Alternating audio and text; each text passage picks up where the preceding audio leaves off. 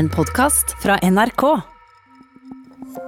Hva skal egentlig til for å kvitte seg med en diktator? I Hviterussland begynner folk å lure, etter å ha demonstrert mot president Lukasjenko i ukevis. Her i Norge sitter ei dame som veit hvor farlig og hvor vanskelig det er. For faren hennes prøvde å ta opp kampen da hun var barn, og selv valgte hun å flytte fra Hviterussland. Klarer de det denne gangen? Å kvitte seg med mannen som kalles Europas siste diktator? Du hører på Krig og fred med Tove Bjørgaas. Og Tore Moland.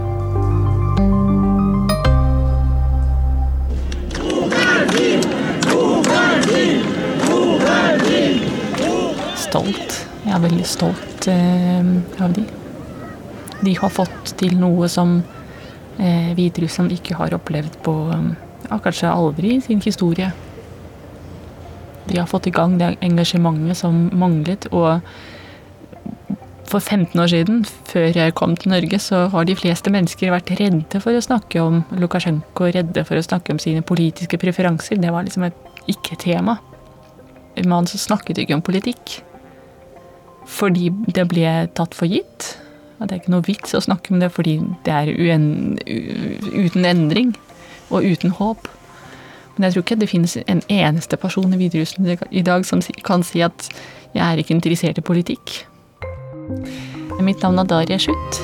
Jeg kommer fra Hviterussland. Jeg kom til Norge i 2005. Hva gjør du i Norge nå, Darja? Jeg jobber i Helsedirektoratet. mm. Hvor gammel er du? Jeg er 36 år og har studert i Norge. Hvordan vil du forklare de demonstrasjonene som har vært etter valget 9.8? At folk har fått nok. Jeg tror ikke at en sånn leder som Lukasjenko har gjort veldig mange feil i løpet av de 26 årene. Så ikke bare feil, men rene dumheter. Det siste var kanskje koronakrisen, hvor han først begynte snakket han om at korona ikke fins, fordi han ikke kan se det. Og man anbefalte å drikke sprit og kjøre traktor for å, for å bli frisk, eller for å ikke bli syk. Du sier folk har fått nok. Hva er det de vil ha i stedet, da? Jeg tror at mange vil ha bare noe annet. Det tror jeg kanskje er fellesnevner. Noe annet enn Lukasjenko. En annen president. Kan du gi meg din beskrivelse av Aleksandr Lukasjenko, Darja, mannen som har styrt Hviterussland de siste 26 årene? Aleksandr Lukasjenko er 65 år. Er vokst opp uten far øst i Hviterussland. Som har vært veldig folkenær, eller fremsto som veldig folkenær, veldig populistisk, kan man si. Han snakker russisk, men med veldig tydelig hviterussisk aksent som eh, kanskje i enda større grad understreker at han er ikke fra hovedstaden, ikke fra en storby, men en sånn fra kolhos. Hva er kolhos? Kolhos er um, um, en slags statlig kibbutz. Et jordbrukskollektiv, rett og slett? Jord, ja, takk. Han var bestyrer i en sånn jordbrukskollektiv. Så folk assosierte seg med han på 90-tallet. Men um, jeg tror at de siste 26 år har bevist at han er veldig kverulant og hyklersk. Han er veldig lur, og ingenting han lover Altså Man, man kan ikke ta det for, for en god fisk. Под давлением президент не должен принимать решения. Президент должен найти компромисс, который всех устроит. Jeg er president. Jeg kan ikke ta avgjørelser bare fordi jeg er under press, sier Aleksandr Lukasjenko. Men du må finne noen kompromisser vi alle kan leve med, svarer en hissig fabrikkarbeider. Da presidenten besøkte traktorfabrikken i Minsk i forrige uke, kom han rett og slett i munnhuggeri med sinte statsansatte arbeidere.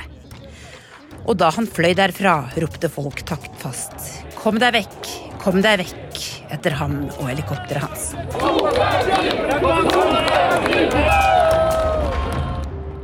Det var virkelig en absurd forestilling. De arbeiderne som var til stede, de sa at eh, det virket som om eh, presidenten ble fullstendig sjokkert. De mente at eh, noe sånt hadde Lukasjenko aldri tidligere vært utsatt for. De sa at det var ikke planlagt på noe vis. Disse ropene om at presidenten må gå av, det, det, kom helt spontant, sa de. Fordi de mente at uh, valgresultatet hadde presidenten jukset med. Og uh, de syntes ikke lenger at de kunne støtte han. Dette var jo Lukasjenkos tradisjonelle støttespillere på store statlige bedrifter. Uh, men nå hadde de også fått nok. Og det, det viser jo hvordan stemningen i landet virkelig har snudd på, på mange vis. Jeg er Jan Espen Kruse, og jeg er Russland-korrespondent. Og eh, jeg var sist uke i eh, Minsk for å dekke urolighetene der. Og I tillegg til da å dekke Hviterussland og for oss i NRK, Jan Espen, så har du noen personlige forbindelser dit også? Ja.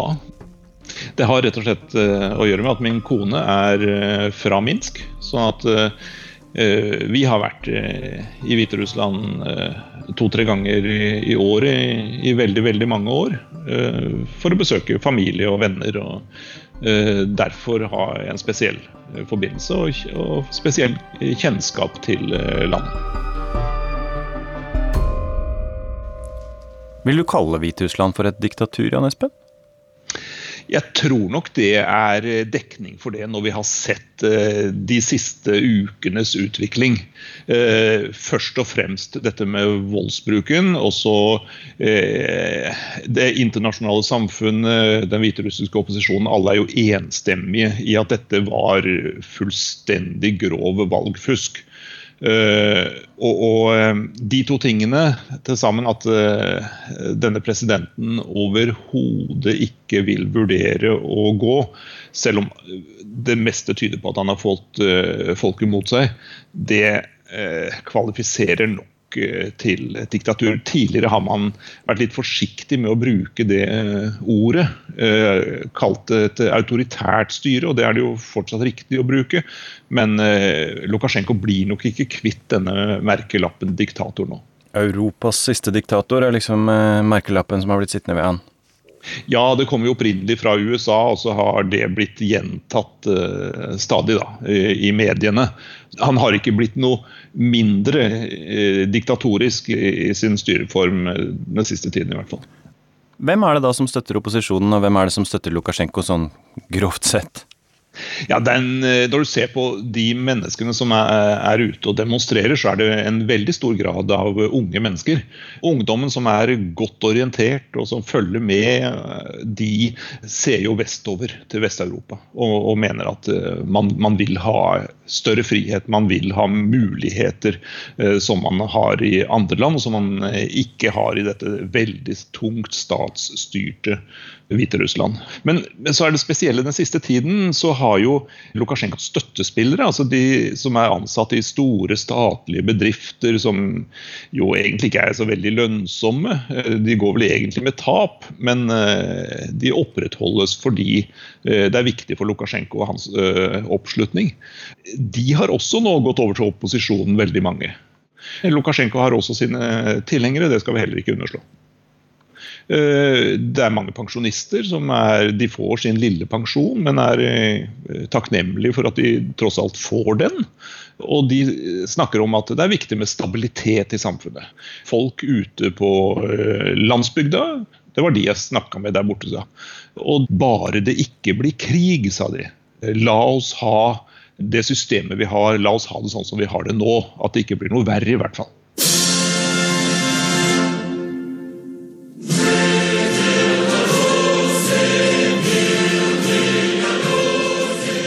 Vi Hviterussere er et fredelig folk, heter det i første strofe av nasjonalsangen. Flagget som offisielt vaier, er rødt og grønt. Og selv om hammer og sigd er blitt borte, er det ellers akkurat det samme som Hviterussland hadde da de var en del av Sovjetunionen. Men demonstrantene bruker et helt annet flagg. Med en hvit stripe øverst, en rød stripe i midten og en hvit stripe nederst.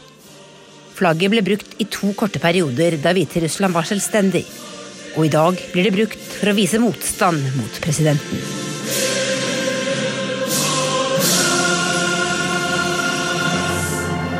Jeg kan snakke bare om eh, det ene flagget. Og det er det hvitt, rødt og hvitt flagget. Som har hengt i stuen hjemme hos oss i alle år. Det er det flagget som min far har hengt ut av eh, parlamentsbygget i 1991, når eh, Sovjetunionen ble oppløst. Så mens på taket var det grønt og rødt, eller rødt og grønt, så ut av det ene vinduet så hang det hvitt, rødt og hvitt flagg som pappa holdt. Det er litt sånn historisk bilde. Det første fla- hvit, eh, flagget som ble hengt på parlamentsbygget. Så det, det hvite og det røde og det hvite flagget, det er det som på en måte fyller deg med nasjonal stolthet? Absolutt. Ja. Og det grønne og det røde? Hva sier det deg, liksom? Ehm, fusk. Eh, det er et ikke-flagg. Det er et flagg som ehm, som ingenting skjuler seg bak. Forbinder det mest med Lukasjenko nå. Darja Sjot, du valgte altså å forlate hjemlandet da du var 20. Hva er din personlige historie? Som hviterusser. Min familie har ikke opplevd så veldig mye bra i Hviterussland. Både under, som en, ja, under Sovjetunionen og senere. Eh, under Sovjetunionen har eh, familien blitt fratatt eh, veldig mye av land og det de eide, og ble sendt til Sibir. Eh, min andre oldefar ble eh, henrettet og fikk stempel, eller hele familien fikk stempel som folkefiender. Og min eh, bestefar, altså nå er det andre verdenskrig, og når bestefar eh, kom, han rømte fra fangerskapet i Tyskland, kom til, eh, tilbake til Sovjetunionen og ble eh, mistenkeliggjort for å være tysk spion.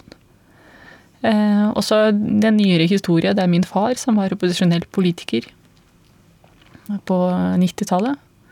Og var i det første og det eneste demokratisk valgte parlamentet. Var i opposisjon til nåværende president Lukasjenko. Og så måtte hun da si fra seg stillinger og posisjoner som han hadde som følge av sitt politiske ståsted. Så det er litt sånn ja, Kanskje ikke min personlige historie, men det er familiens historie som setter sitt preg på hvem jeg er, og hvorfor jeg valgte å mm, ikke bo i Hviterussland. Fortell meg om pappaen din, Darja. Nei, pappa var kirurg og jobbet på sykehuset når, på, på 90-tallet, når Sovjetunionen nærmet seg slutten, så eh, fikk pappa tilbud, eller ikke tilbud, det var, det var rett og slett folk fra gata som kom bort til han og spurte om han eh, kunne stille opp som kandidat for eh, regionen, eh, altså par parlamentariker. Hva skjedde med hans karriere som opposisjonspolitiker, da? Eh, Det ble jo ingen karriere ut av det. Etter eh, hans eh, periode i parlamentet ble over, så ble han truet for å ikke stille opp til valg igjen. Og han mistet sin stilling som sykehussjef, og jobbet som kirurg. Men jeg husker at som barn så var jeg veldig sint på han, for at en etter fli- eh, dro flere av hans venner eh, for å være diplomaten i altså, i Japan og England og fikk fete stillinger og hus og leiligheter, mens vi må, måtte jo nedgradere veldig. Eh, I tillegg til å være redd for pappas liv, for våre liv.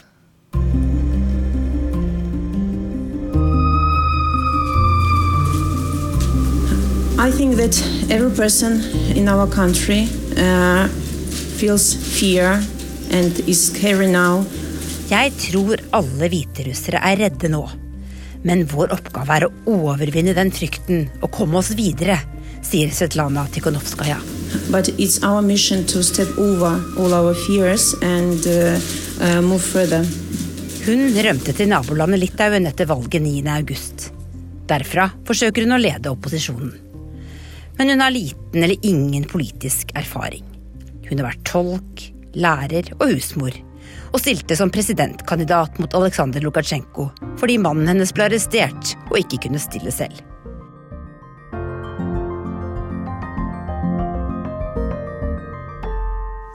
Mange sier at Svetlanas eh, styrke er i hennes svakhet.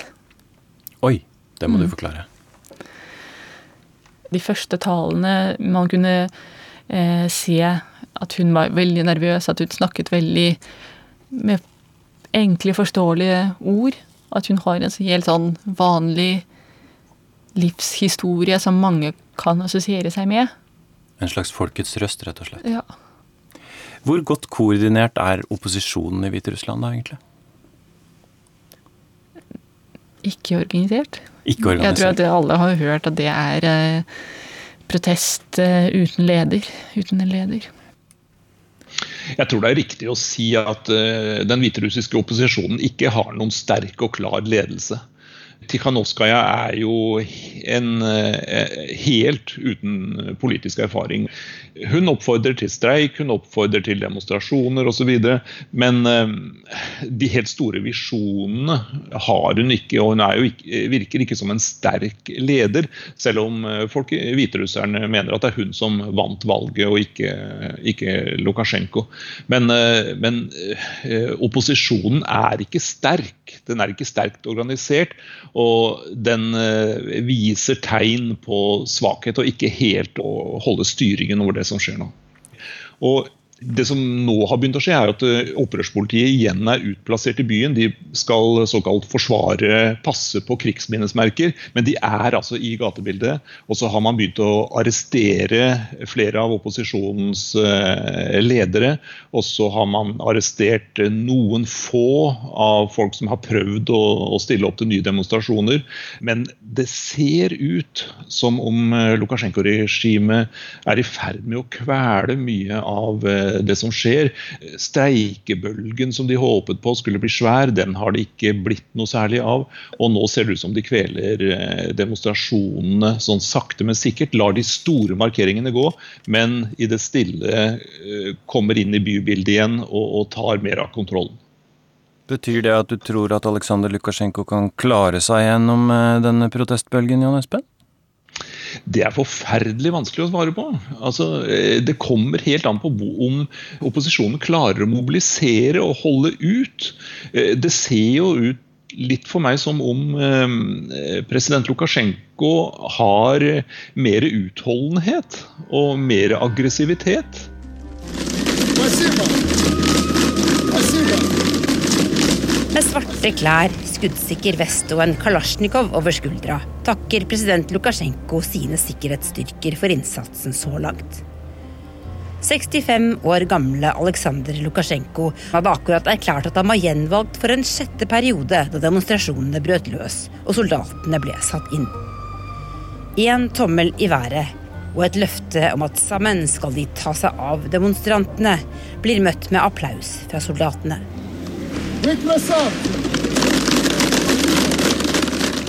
Vi skal ordne opp med dem, eh, sa han til politifolkene som var rundt. Og dem, det var da opposisjonen. Og oppe i helikopteret kalte han eh, folk som eh, støttet, som var med i demonstrasjonen på gata, han kalte dem rotter. Sånn at det er fullstendig uten kompromiss. Det er ingen vilje til samarbeid, ingen vilje til å møte motparten. Han vet vel at eh, han eh, kan bli stilt for retten hvis eh, nye, nye ledere overtar i, i Hviterussland, og at en fengselscelle da kan være hans neste stoppested. Hva kan bli løsningen på denne situasjonen da, Jan Espen? Ja, Det er jo bare to alternativer. Enten så blir det en maktovertakelse, at opposisjonen får overtatt. De ønsker en dialog med Lukasjenko-regimet, hvor eh, han eh, på fredelig vis overfører makt til opposisjonen. Det er den ene varianten. Den ser ikke veldig sannsynlig ut eh, akkurat nå. Den andre varianten er at eh, president Lukasjenko fortsetter å, å lede landet på sitt vis. Og, og en ekspert jeg snakka med i, eh, i Minsk, sa at eh, hvis det skjer, så kommer Hviterussland til å bli en slags Europas Nord-Korea. Darja Sjot, nå har du bodd 15 år i Norge. Har du et håp om å kunne bo i Hviterussland igjen en gang i framtida? Jeg hadde det for to uker siden. Når jeg så hvor mange mennesker som kom ut for å For å si at de har fått nok. Hvor mange mennesker som eh, ønsker å leve i et demokratisk samfunn. Så ja, jeg hadde veldig håp om at eh, nå kan vi dra til Hviterussland og kanskje bo der i no- noen år og hjelpe å bygge opp, og kanskje jeg kan ta med noen erfaringer fra Norge til Hviterussland. Jeg er ikke sånn veldig håpfull nå, men eh, Hva er det som gjør at du har mindre håp nå enn for to uker siden? Veldig lenge så levde vi med en idé om at uh, hvis 100 000 mennesker kommer ut i gatene, hvis 200 000 kommer ut i gatene, så blir det en endring. Så kommer flere til å bytte side. At Lukasjenko kommer til å gi opp. Men det skjedde ikke. Uh, og nå styres landet av uh, en gal president med sine spesialstyrker. Så det er de som sitter ved makten. Så jeg vet ikke hva som må til for å få han ut. Men familien din, de bor fortsatt i Hviterussland. Eh, ja, jeg har eh, min mor og besteforeldre og min bror. Hva sier de om det som skjer? Ja, de er eh, redde og egentlig litt pessimistiske. Og så mistet vi pappa i november. Så det går veldig opp og ned. Eh, Den ene dagen snakker vi om at eh, så dumt at pappa ikke levde lenge nok til å se det som skjer nå. Og andre dager så tenker vi så bra at pappa ikke ser det som skjer nå.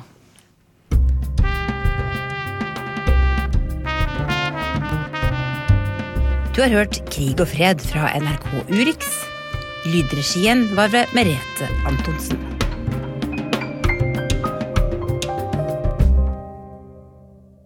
Du har hørt en podkast fra NRK.